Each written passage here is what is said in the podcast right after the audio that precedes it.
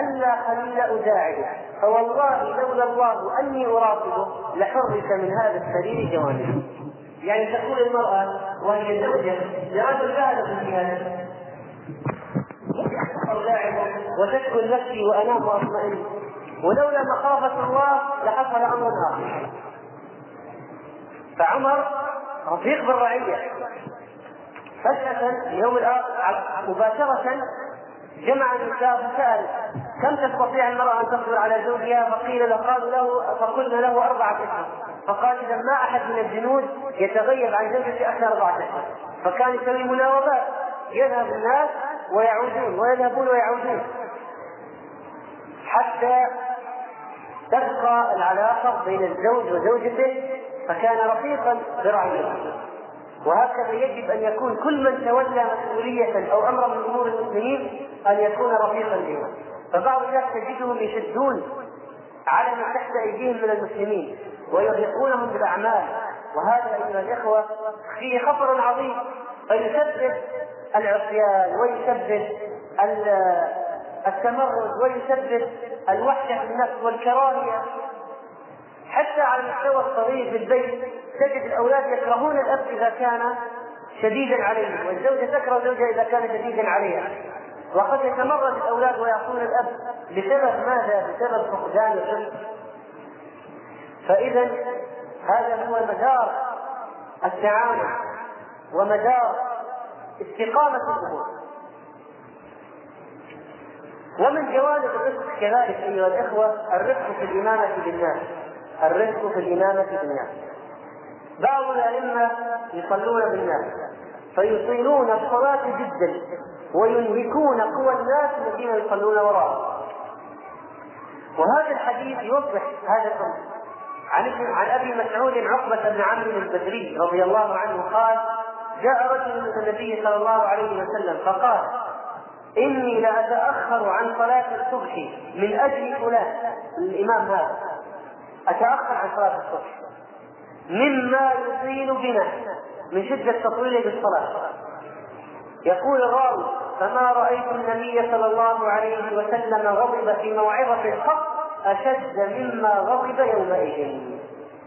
ما غضب في موعظة مثل ما غضب يومئذ. فقال يا أيها الناس إن منكم منفرين. إن منكم منفرين. فأيكم أما الناس فليوجز. فإن من ورائه الكبير والصغير وذا الحاج متفق عليه. فلا بد من الرفق بالمأمومين وهذا الإمام الذي تولى أمر الناس الذين وراءه لا بد أن يرفق بهم ولا يطيل بهم. ولكن هنا نقطة لا بد من توضيحها وإن كانت ليست في صلب الموضوع. ما معنى فليوجد؟ الآن صلى الله عليه وسلم يقول يا أيها الناس إن منكم منفرين فأيكم أما الناس فليوجد. هل معنى يوجد أن يقرأ قل هو الله أحد إنا أعطيناك الكوثر قل هو الله أحد إنا أعطيناك الكوثر قل هو الله أحد إنا أعطيناك الكوثر في الصلوات هذا هو الإيجاز المطلوب. هل هذا هو معنى الحديث؟ المعنى أيها الإخوة كما ذكر العلماء يعني يعني انتبه إلى هذا المعنى. ليقتصر على ما ثبت في السنة. لا يزيد عليها مع إتمام الأركان والسنن. إتمام الأركان والسنن والاقتصار على ما ثبت في السنة. فلو أن إنسانا منا صلى الجمعة فقرأ بالناس سورة المنافقين وسورة الجمعة. فاشتغلت الصلاة بالقراءة مثلا ربع ساعة مثلا. هل يعتبر هذا الرجل مطولا على من وراءه وأنه شق عليه وأنه نفره لا طبعا. لماذا؟ لأن الرسول صلى الله عليه وسلم لما صلى بالناس الجمعة قرأ في الركعة الأولى قل يا الجمعة وسورة المنافقين. وقرأ أيضا سبح والغاشية كان ينوع. فإذا ويقرأ مثلا قاف والرحمن أحيانا فإذا من قرأ بالسنة بالسنة هذا هو معنى قول وسلم فليوجد لكن ما هو معناه نقرأ؟ والعصر وإن أعطيناك الكوثر قل هو الله أحد. لا. كذلك أيها الأخوة من جوانب الرزق أو من الجوانب التي يدخل فيها الرزق أيضا الرزق في البيت. الرزق في البيت بشكل عام ومع الزوجة والأولاد بشكل خاص. وهذه نقطة اجتماعية حساسة وخطيرة ولا بد من الانتباه إليها. يقول رسول الله صلى الله عليه وسلم في الحديث الصحيح ما أعطي أهل بيت الرزق إلا نفعكم ما أعطي أهل بيت الرزق إلا نفعهم الطبراني عن ابن عمر صحيح الجامع. وقال صلى الله عليه وسلم إذا أراد الله بأهل بيت خيرا أدخل عليهم الرزق إذا أراد الله بأهل بيت خيرا أدخل عليهم الرزق. إذا أراد الله بأهل بيت خيرا أدخل عليهم الرزق. قال شراح الحديث يعني أدخل عليهم الرزق بحيث يرفق بعضهم ببعض. فيرفق الزوج بالزوجة ويرفق الرجل بأبيه وأمه ويرفق الأب والأم بالولد ويرفق الإخوة بعضهم ببعض. أدخل عليهم الرزق. وهم يرفقون بجيرانهم. وهكذا. وعامة البيوت التي تفوح منها روائح المشاكل والخلافات والنعرات والشتات والفرقة إذا تأملت فيها أيضا لوجدت السبب أنه ليس هناك رفق في علاقة أفراد البيت بعضهم ببعض. فإذا أتيت معي إلى مسألة الرفق بالزوجة. الرسول صلى الله عليه وسلم يقول في الحديث الصحيح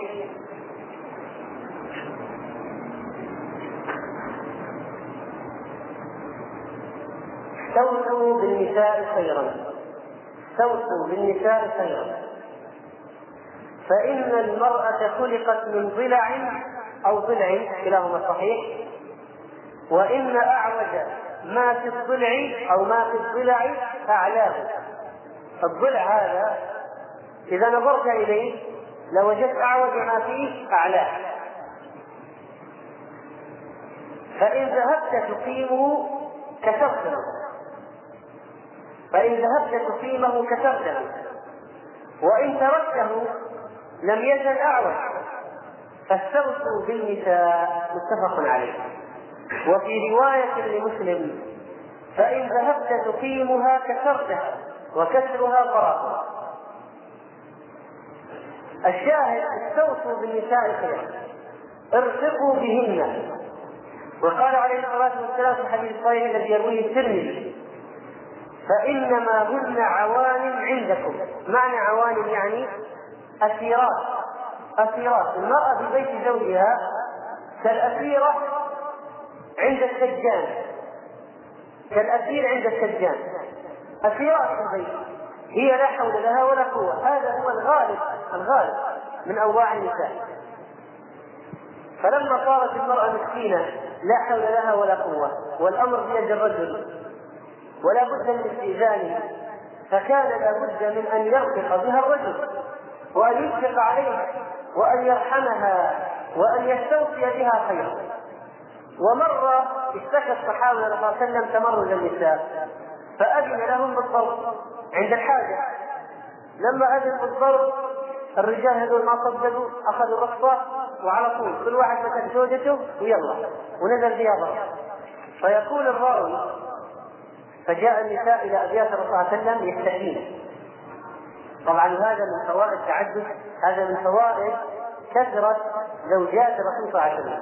الرسول صلى الله عليه وسلم اختص بأنه تزوج أكثر من أربعة هذه خاصية له من دون الأمة. فإن سأل سائل عن السبب فهناك أسباب كثيرة منها متعلق بهذا الحديث أن زوجات الرسول صلى الله عليه وسلم كثرتهن تؤدي إلى سهولة نقل أوضاع المجتمع للرسول صلى الله عليه وسلم لكي يعلق عليها ويعقب فكان يتنفس.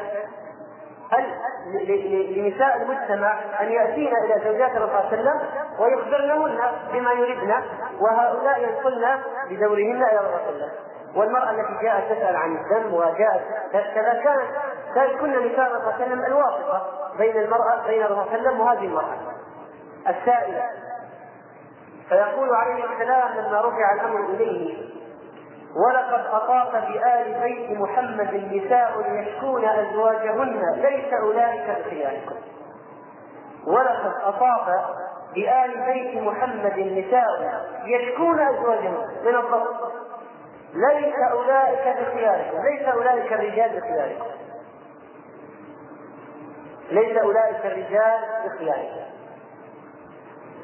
المرأة أيها الأخوة فيها حساسية ليست في الرجل وفيها رقة ليست في الرجل فلا بد من الاتصاء بالنساء خيرا. وكثير من الرجال كثير من الرجال يستعملن العنف بشكل عجيب مع مع أزواجهم. مع مع مع الزوجات. فمنهم من يضرب زوجته. ومنهم من يضرب بالوجه وقد نهى صلى الله عليه وسلم عن الضرب بالوجه. يعني حتى لو كانت مخطئة وتريد أن تعذرها بعد أن وعظتها بالكلام وهجرتها في المضجع ووصلت إلى الضرب نعم فإنك تضرب ما تضرب على الوجه تضرب على الكتف تضرب على العقل تضرب على الظهر تضرب على ذكر في مكان لا يؤذي أما الضرب على الوجه الذي قد يكسر سنا أو يفقر عينا هذا الضرب أو يفقد السمع. هذا الضرب حتى لو كنت مصيبا لا يجوز لك أن تضرب على الوجه. وبعض الرجال يمسكون السلم أو يمسكون التسلسل بالمقلوب. ما يبدأ بالموعظة الحسنة ثم بالهجر في المضجع ثم الضرب لا يبدأ أول شيء بالضرب على طول. ويقول أقطع رقبة قبل لا يا أخي ما هو هذا الإسلام ولا هذه تعاليم الإسلام ولا هذه المعاملة الزوجيه الصحيحة.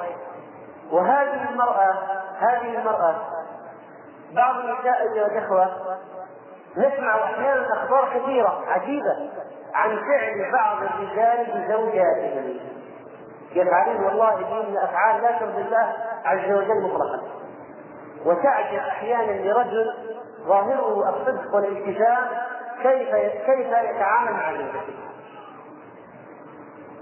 يعني الوان التعامل لا تخطر بباله بل قد يصل الأمر ببعضهم إلى أن يصبح يستعمل العنف حتى في جماع زوجته حتى تكرهه. يقول الله أنا أبغى اتزوج واحدة ثانية إيش الحل؟ هي ما راح ترضى إيش الحل؟ اني اصير معها عنيف حتى تكرهني تقول يلا بس تفكر من شر تروح تزوج. فأيها الإخوة ليس هذا هو الطريق إلى إلى تطبيق إلى إلى يعني فعلا ترى بعض الناس يعاملون زوجاتهم بهذه النفسية وهذه قضية خطيرة جدا ومخالفة صريحة واضحة لحديث الرسول صلى الله عليه وسلم أين الاستيفاء بالنساء واين وسلم ليس أولئك بخياركم ليس أولئك الرجال بخياركم. وهذا هذا الموضوع يعني البسط فيه وارد جدا من واقع معاملات الناس اليوم. غالب أن الرجل ليس هو المظلوم. يعني ما في يعني قليل جدا والله المرأة تقوم على الزوج تضربه وتسكته وتطرده من البيت. هذا الذي يحصل بالعكس الذي يحصل أن الرجل هو الذي يفرد عضلاته ويستخدم قوته ويضرب زوجته ضربا مبرحا ويوقع عليها شتى أنواع آه، الإهانة والسب والشتم أحيانا الذي هو قد يكون أشد من الضرب بعده مراحل. فيهينها ويحقرها ويذكر معايبها ولا يترك شارده ولا واردة إلا ويقع فيه فلا بد أيها الإخوة من تطبيق الإسلام ما هو فقط خارج البيت وامام الناس في المساجد ومع الزملاء والأصدقاء آه، وفي حلقات العلم. لا لا بد من تطبيق الإسلام في البيوت. وإلا فماذا نستفيد إذا كان بيت الواحد منا مهلهلا مشتتا مبعثرا ليس هناك فيه اواصر الرحمة بين الزوج وزوجته؟ وبعدين يعني آه، ليس أولئك بخياركم حتى ولو كانوا أعلم وافقه وأكثر وأكثر نشاطا في الأمر بالمعروف والنهي عن المنكر والدعوة إلى الله. إذا أردت أن تصبح انسانا ملتزما فعلا بالإسلام وجاد الالتزام بالإسلام فعليك أن ترفق باهل بيته. والرسول صلى الله عليه وسلم الرسول صلى الله عليه وسلم في حادثة في سفر في طريق السفر أمر بالرفق بالنساء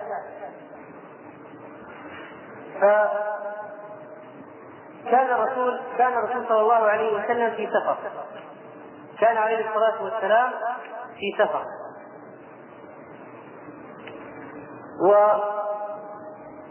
وكان معه نساء أو بعض نساء فماذا حصل؟ كل النساء يركبن الإبل. وكان هناك حادث يحدو هذه الإبل غلام أسود حسن الصوت يقال له أنجشة يقال له أنجشة هذا الحديث الصحيح الذي يرويه البخاري رحمه الله تعالى. وكان معه غلام أسود يقال له أنجشة يحدو بهن. يصدر الأصوات التي تحدي بالإبل وعليها نشاء وتلقى ومعهن أم سليم امرأة أخرى. فقال النبي صلى الله عليه وسلم رويدك يا أنجدة ارفق بالقوارير. رويدك يا أنجدة ارفق بالقوارير. قال أبو قلابة من رواة الحديث يعني النساء يعني النساء. من هم القوارير؟ ما المقصود بالقوارير؟ يعني النساء. رواه البخاري في كتاب الأدب. في صحيحه قال العلماء في شرح الحديث كلا عن النساء بالقوارير لرقتهن وضعفهن عن الحركة والنساء شبهن بالقوارير في الرقة وضعف البنية وقيل إذا أسرعت الإبل لم يؤمن على النساء السقوط لم يؤمن على النساء السقوط. يعني يقول صلى الله عليه وسلم لأنجشة يا أنجشة رفقا بالقوارير. أقل من الحذاء قليلا. أقل منه. حتى لا تسرع الإبل زيادة بفعل الحذاء وهذه المرأة رقيقة ولا تتحمل سرعة الإبل وقد لا تتشبث بالبعير وتستوي عليه استواء كاملا فتسقط لأنها ضعيفة. قد لا تستطيع أن تتشبث به تشبثا قويا. فكأن الرسول صلى الله عليه وسلم يقول لأنجشة يقول ارفق بهذه الإبل المسير كأن على ظهورها قوارير. كيف لو كان على ظهور الإبل قوارير؟ هل تسرع فيها؟ لا لأن القوارير تتكسر فلذلك ارفق بالقوارير. وقيل المعنى أيضا يدخل في المعنى كان حسن الصوت بالحذاء. هذا أنت فقيل أن الرسول صلى الله عليه وسلم كره أن تسمع النساء الحذاء فشبه ضعف عزائمهن وسرعة تأثير الصوت فيهن بالقوارير في سرعة الكسر إليها. الرسول صلى الله عليه وسلم كان يخشى من فتنة وكان يسد كل طريق فيه فتنة فكان يخشى أن هذا الرجل اللي صوته جميل يخشى أن النساء يفتن بصوته. فيأتي في قلوبهن أشياء لا يرضاها الله تعالى. فقال له رزقا بالقوارب وبعض العلماء جمع بين المعنيين. ومنهم القرطبي رحمه الله في المفهم فقال شبههن بالقوارير لسرعة تأثرهن وعدم تجلدهن فخاف عليهن من حد السير لسرعة السقوط أو التألم من كثرة الحركة. فخاف عليهن من حد السير بسرعة السقوط أو التألم من كثرة الحركة والاضطراب الناشئ من السرعة أو خاف عليهن الفتنة من سماع النشيد. فلهذا صلى الله عليه وسلم رفقا بالقوارب الخلاصة أيها الإخوة أنه يجب علينا أن نرفق بنسائه. يرفق الإنسان بزوجته وأمه وأخته وابنته. يرفق بهن. وأما بالنسبة للرفق بالأولاد فقد كان صلى الله عليه وسلم يرفق بالصبيان كثيرا.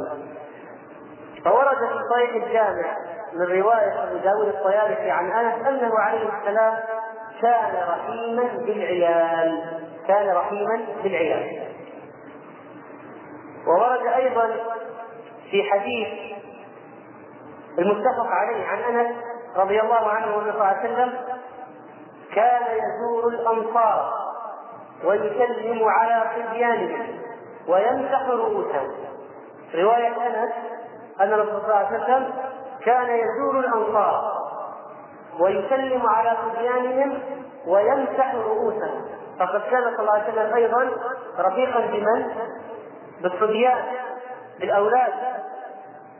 ولذلك كان يركب أمامة على ظهره والحسن والحسين وكان يطيل السجود حتى ينزل الولد من على ظهر الرسول صلى الله عليه وسلم. كان رفيقا بهم. ومرة كان يخطب ترك الخطبة لأجل رأى أنه رأى الحسن والحسين من كيان يتعثران في مشيتهما فخشي عليهما فنزل قطع الخطبة قطع الخطبة ونزل وأخذهما وضمهما إليه. هذا هو الحنان والرفق. والرجل هذا الأعرابي البدوي الذي جاء رسول الله قال إنكم تقبلون صبيانكم أنا عندي عشرة من الولد ما قبلتم ولا واحد منهم ما قبلتم فقال رسول الله أو ما أملك لك ان نزع الله رحمة من قلبك. إيش وأنا أسوي لك؟ إذا الله نزع رحمة من قلبك. فالشاهد هنا أيها الإخوة أن بعض الناس لا يرأفون بأولادهم. ويشتدون عليهم بالضرب والعقوبة. وتحدث لذلك مآسي كثيرة. وبعض الأخبار التي نسمعها تعجب جدا من هذه المعاملة وتقف مندهشا وتقول أي أب وأي أم اللذان يفعلان بأولادهما هذا بهذه الأفعال. ولقد سمعت من ولد أن أباه كان إذا أراد أن يضربه أخذ إيش؟ سلك كهرباء سلك من هذا النحاس الغليظ وبدأ يضربه. وإذا ما وجد الأم هي التي تأتي له بهذا بهذا السلك وإذا أراد الولد أن يأكل ما يأكل معه. يأكلون. بعد ما ينتهون يقول تعال نجلس ما تروح تأكل معنا. بعد ما خلص تعال وأن أباه مرة في الشتاء القارب فرده إلى سطح البيت لينام في عش الحمام وأغلق عليه من غير غطاء هذه ال ال الألوان وهذه يعني هذا الجمود والتحجر وغلظة القلب. إلى ماذا يؤدي؟ يمكن أن يؤدي أيها الإخوة ببساطة كما حدث أن هذا الولد يشك أن هذا أبوه وأمه الحقيقيين يقول مو معقول أنا عندما يرى تعامل بقيه الآباء والأمهات مع أولادهم يقول مو هو معقول يكون هذا أبي وهذه أمي مو هو معقول لماذا هذه المعاملة؟ وهذا يعني يرسخ في قلبه حقدا وضغينه على الأب والأم ولا تستبعد بعد ذلك أن يكبر هذا الولد فينزل بأبيه العاجز وأمه الضعيفة الكبيرة ألوان العقوبات من باب رد الصاع صاعين عندما يكبر وسيهرب من البيت بأي وسيلة وسيحصل التمرد وأقل الأمور أن ينشأ الولد محطما نفسيا في حالة من الشقاء والسعادة لا يعلم بها إلا الله لن يقوى مستقبلا على مواجهة أي صعوبة في حياته. فأيها الإخوة رفقا رفقا بالأولاد والصبيان وبعض النساء أو الرجال قد يرفق باولاده لكن لا يرفق باولاد الجيران. أو هذا ولد الجيران ضرب ولدي. تعال امسكه في الشارع واضرب بالنعال أمام الناس ضربا مبرحا حتى يسقط مغشيا عليه وهكذا الحوادث كثيرة لكن أين هذا؟ أين هذا؟ من قول من قول الراوي كان رسول الله صلى الله عليه وسلم رحيما بالعيال. يزور الأنصار ويسلم على صبيانهم ويمسح رؤوسهم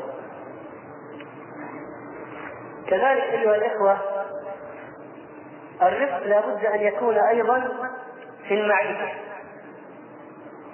يرفق الإنسان بمعيشته بعض الناس يبذرون يبذرون أموالهم فعلا في الأكل في المأكولات واللبس وفرش البيت وغير ذلك.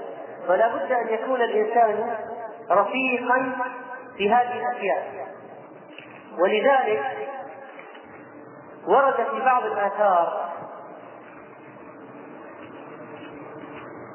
عن سالم بن أبي الجعد أن رجلا صعد إلى أبي الدرداء وهو في غرفة له وهو يلتقط حبا منثورا. انتثر الحب عن الأرض.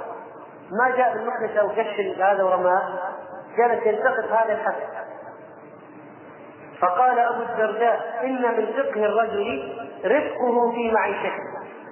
هذا الحديث روي مرفوعا لكنه ضعيف وهو موقوف محتمل للتحسين قال أبو الدرداء إن من فقه الرجل رفقه في معيشته.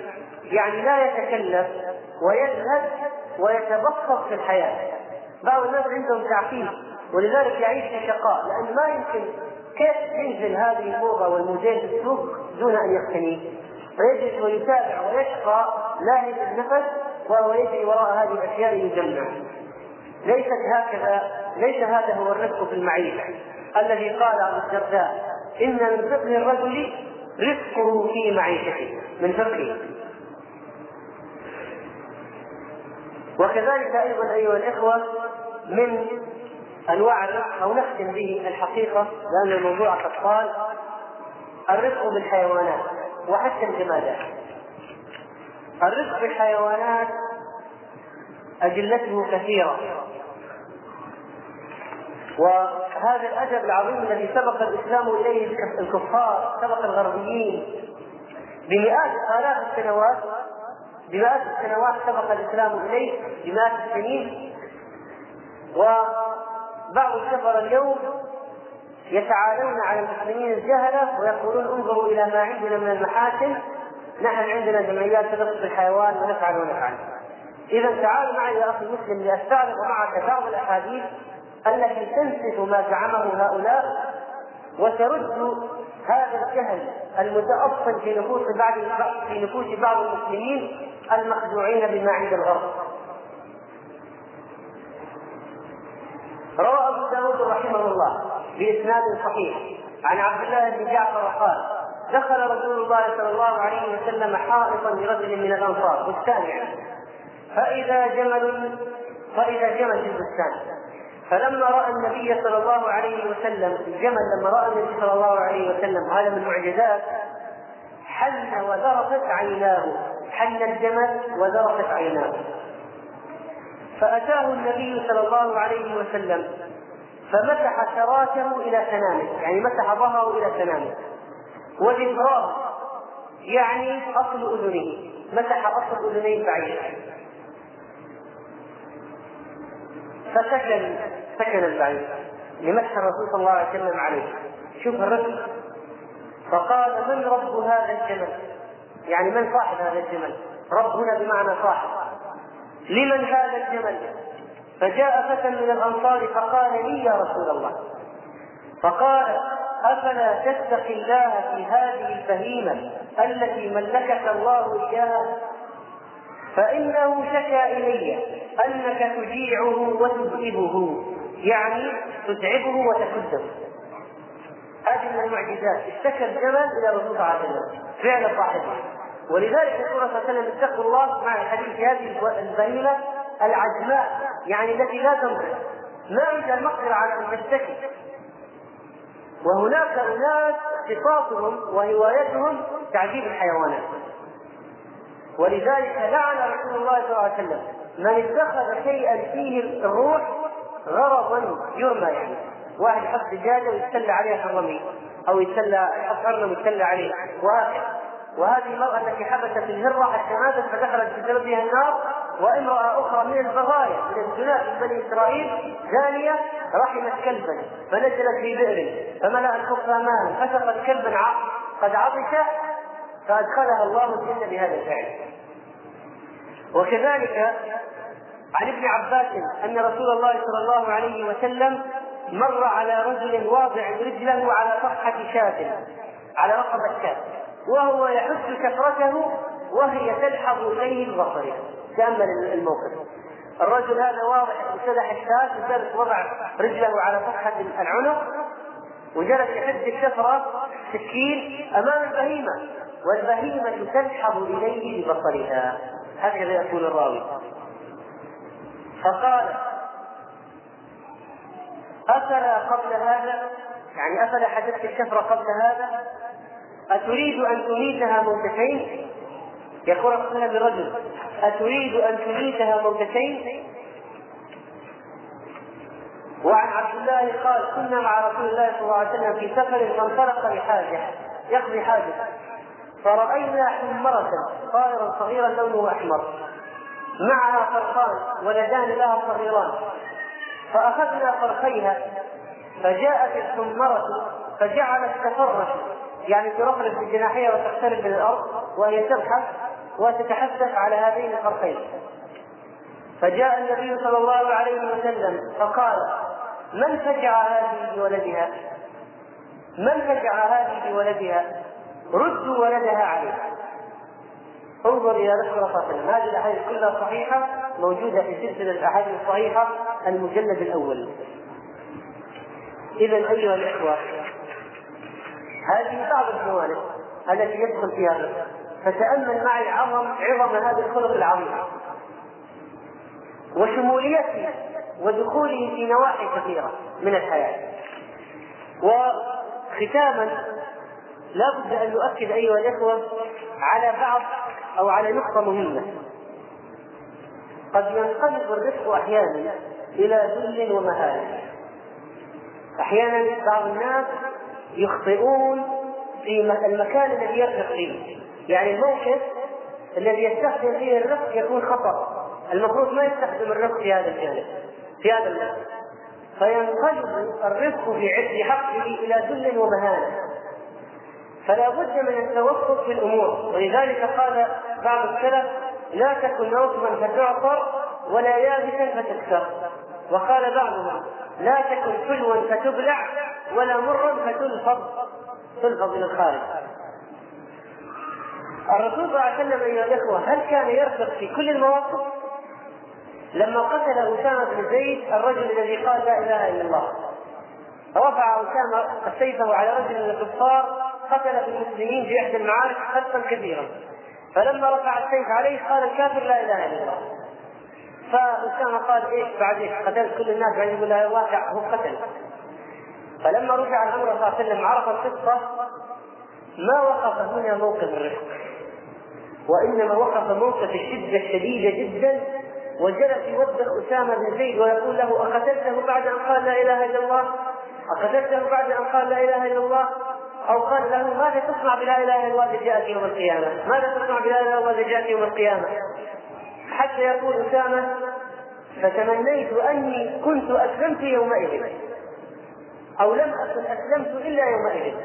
يعني تمنيت أني أكون كنت كافر لما قتلت الرجل وأسلمت بعدين بعد ما قتلته من شدة اللوم الذي شعر به.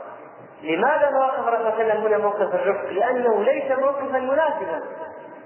أنت انتهك أمامك حرمات الله. تأخذ موقف الرفق واللين مع الناس وتجد تبتسم وتضحك وهم ينتهكون حرمات الله أمامك ويستهزئون بالدين ويسبون الرسول والقرآن والرب عز وجل والعياذ بالله تعالى. فإذا أيها الإخوة كل شيء له حدود وكل شيء له موقف معين اتخذوا فيه اتخذوا فيه. فهناك فرق بين الرزق والتساهل غير الشرعي وتمييع الأمور. لا يعني الرزق الأمر بالرزق نخلي الناس على راحتهم. والله حتى لو زوجتي آه، ارتكبت محرم أو الولد ينظر إلى محرم وأنا أكون رفيق به بمعنى أني الين معه لا أمر بالمعروف ولا أنهى عن المنكر لا. وفرق أيها الإخوة فرق بين أن يكون الرزق وسيلة إلى تحصيل المقصود وبين أن يكون الرزق هو الهدف. المهم ان نصل إلى اللين. حتى لو كان الوضع لا يسمح المهم اللين. لا. الرزق يجب أن يكون وسيلة تحقق المقصود. فإذا كان المقصود ما يتحقق بالرزق يتحقق بالشده والغلظة. المقصود الشرعي. المقصود الشرعي. فلا يجوز استخدام الرزق في هذه الحالة. ولا يعني الذلة للكفار والذلة الذين يستهزئون بالمسلمين. بالسنن التي يطبقونها والذين يسبون الله عز وجل. لا هؤلاء ليس لهم الرفق إذا دعوا إلى الله وقيل لهم الحكم ووعدوا وأصروا فليس لهم إلا الغلظه يا أيها الذي يجاهد الكفار والمنافقين واغلب عليهم. هذا التنبيه المهم جدا حتى لا تنقلب الأمور وحتى لا تخرج عن إطارها الصحيح. وفقنا الله وإياكم لأن نسلك طريق الرفق ونساله عز وجل أن ينمي هذا الخلق العظيم في أنفسنا ويجعله لنا سبيلا ومنهجا ومسلكا. وأستغفر الله لي يمكن أن نجيب على سؤالين أو ثلاثة. يقول هل هناك تقسيمات في علماء الدين مثل ما عند اليهود والنصارى وهل هذه الألفاظ لها أصل في الإسلام ولماذا تطلق بعض الألفاظ على بعض العلماء؟ أيها الأخوة ليس هناك شيء اسمه رجال دين في الإسلام لأن المسلمين كلهم يجب أن يكونوا رجال دين. ورجال الدين هذه الاصطلاح أو التسمية وردت إلينا من النصارى. هم الذين ابتدعوا رجال الدين لأن عندهم الدين مختص برجال وبقية المجتمع بلا دين. وقت الحاجة يذهب إلى الكنيسة. ولذلك قال بعض المفكرين إن الناس في إنجلترا يعبدون بنك إنجلترا ستة أيام في الأسبوع ثم يتوجهون في اليوم يوم الأحد إلى الكنيسة في اليوم السابع إلى الكنيسة هذه حالهم فعلا يعبدون البنك المركزي ستة أيام في الأسبوع ثم يتوجهون في اليوم السابع إلى الكنيسة يقول كيف أفرق بين المداهنه في إنكار المنكر بين رفض إنكار المنكر والمداهنه في الدين؟ ببساطة إذا كان تصرفا سيكون على حساب أن يفهم الناس الإسلام فهما خاطئا. تجي عند منكر واحد يسوي منكر تقول أنت تسكت وتداهن وتقول والله يعني لعله فعلوا كذا ولعله فعلوا كذا وتجي تتجمد الاعذار السخيفة للرجل هذا فالناس ماذا يفهمون؟ يفهمون هذه العملية ما فيها شيء يفهمون أنك أنت أنك أنت ما عندك منطق ولا عندك جرأة وثبات وأنك لأن هذا الرجل عزيز عليك أو لأن هذا الرجل مثلا مديرك فأنت جالس يعني تلف الأمور تدافع في الباطل هذه مداهنه أما الرفق انك تتخذ اللين في أسلوب عرض الدعوة بدون التخلي عن مبدأ الواحد من مبادئ الدعوة المبادئ هي هي باقية ما تغيرت. بس الأسلوب اللين بدل ما أرفع صوتي وأهدد أو اتوعد أجيب اللين. هذا هو الفرق باختصار بين المداهنه وبين الامر بالمعروف والنهي عن المنكر بين الرفق الامر بالمعروف والنهي عن المنكر ما حكم الصلاة خلف الإمام المبتدع الجاهل في بدعته؟ الصلاة خلف الإمام قد يكون الإمام فاسقا. فعند ذلك يحاول الناس أن يغيروه. لكن إلى أن يتغير إلى أن يتغير تجوز الصلاة وراءه. الإمام الفاسد تجوز. لا تترك صلاة الجماعة في المسجد لأن الإمام فاسد قد يكون الإمام مبتدع. فإذا كانت بدعته بدعة تنقسم إلى قسمين بدعة كفرية يعني تخرج من الملة. مثل بدعة الذين يقولون أن الأولياء يعلمون ما في الغيب وأن الأولياء يصرفون أمور الكون. أو بدعة الذين يشركون بالله ويطوفون في القبور ويطوفون إلى آخره. هؤلاء الناس المشركون لا تجوز الصلاة وراءهم مطلقا بل تعمل جماعة أخرى ويصلى إذا ما استطاعوا تغيير الإمام. وإذا كانت البدعة غير كفرية فتكره الصلاة وراء هذا الرجل ولا بد من تغييره. لأن البدعة أيها الإخوة خطيرة بل عدها العلماء من أكبر أكبر الكبائر. أكبر بعد الاشراك بالله البدعة وبعدين قتل النفس. لكن لو جهلنا عقيدة إمام معين جينا دخلنا مسجد لقينا إمام يصلي والله ما ما نعرف عقيدة الرجل. هل هذا من أهل السنة والجماعة ولا رجل مبتدع؟ فلم يكلفنا الإسلام بالتنقيب عن قلوب الناس. يقول يعني تعال يا فلان قبل ما تصلي فينا لازم نختبرك. تعال. أين الله؟ وإيش عقيدتك في الإسماء والصفات؟ وإيش معتقدك في توحيد الألوهية وكذا؟ وفصل لنا في كلام الله هو كذا ولا كذا. نجلس نختبر وإيش عقيدتك في الولاء والبراء. ما كلفنا الإسلام بهذا. نمسك الإمام نختبره قبل الصلاة ولا ما تصلي فينا؟ لا. إذا كان ظاهره الصلاح والاستقامة ظاهره يكفي. حتى يثبت أنه على بدعة فعند ذلك نتخذ الموقف. لكن ما دام ما ثبت لنا فنحن ما ما كلفنا بالتفتيش والتنقيب وأن نمتحن الناس. هذه خلاصة كلام ذكره شيخ الإسلام ابن تيمية رحمه الله. نكتفي بهذا وأسأل الله عز وجل لي ولكم الإخلاص في القول والعمل وأن يجمعنا وإياكم على طاعته. وسبحانك اللهم وبحمدك أشهد أن لا إله إلا أنت أستغفرك وأتوب إليك. وبعد. يقول الحق جل وعلا يا أيها الناس كلوا مما في الأرض حلالا طيبا ولا تتبعوا خطوات الشيطان إنه لكم عدو مبين. دعوة من الله تعالى وتحذير. دعوة إلى طلب الحلال من مكاسبه الشرعية. وتحذير من الحق سبحانه من أن يجعل العبد الشيطان رائده في الكسب الحرام. فما الكسب وما هي شروطه؟ وما هي آدابه؟ وما أتوا الحرام؟ أما الكسب فهو استحصال المال. سواء كان بطريقة الزراعة أو الصناعة أو التجارة أو غيرها. وينبغي أن نعلم أن السعي في طلب الرزق في إسلامنا عبادة رأى النبي عليه الصلاة والسلام أحد الأصحاب وقد بدا على يديه أثر العمل فقال عليه الصلاة والسلام هذه يد يحبها الله ورسوله. يقول عليه الصلاة والسلام من أمسى كالا من عمل يده أمسى مغفورا له. مر رجل على النبي عليه الصلاة والسلام ومعه الأصحاب. فبدا عليه من جلده ونشاطه. فقال الأصحاب ليس هذا كان في سبيل الله. فكان فهمهم أن الجهاد لا يكون إلا بالقتل والقتال. فقال لهم المصطفى عليه الصلاة والسلام إن كان خرج يسعى على ولده فهو في سبيل الله وإن كان خرج يسعى على أبوين شيخين كبيرين فهو في سبيل الله وإن كان خرج يسعى على نفسه يعفها عن السؤال فهو في سبيل الله. أفضل العمل في إسلامنا ما كان هو عمل اليد. قول المصطفى عليه الصلاة والسلام أفضل الكسب كسب الرجل بيده. ولعل هذا الحديث يكون معالجة لما تعانيه أمتنا بل لما يعانيه العالم من ظاهرة البطالة. حتى أن العقلاء في الأمة أصبحوا يوجهون الانتقادات للسلسلة التعليمية في المراحل المعروفة حتى يتخرج المتخرج من الجامعة ولا يجد له عملا بعد ذلك.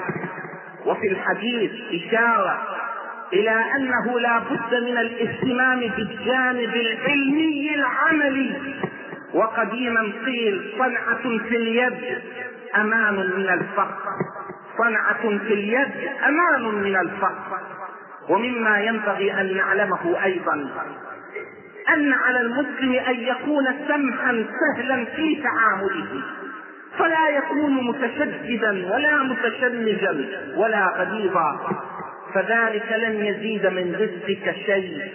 قول المصطفى عليه الصلاة والسلام إن الرزق يطلب العبد كما يطلبه أجله.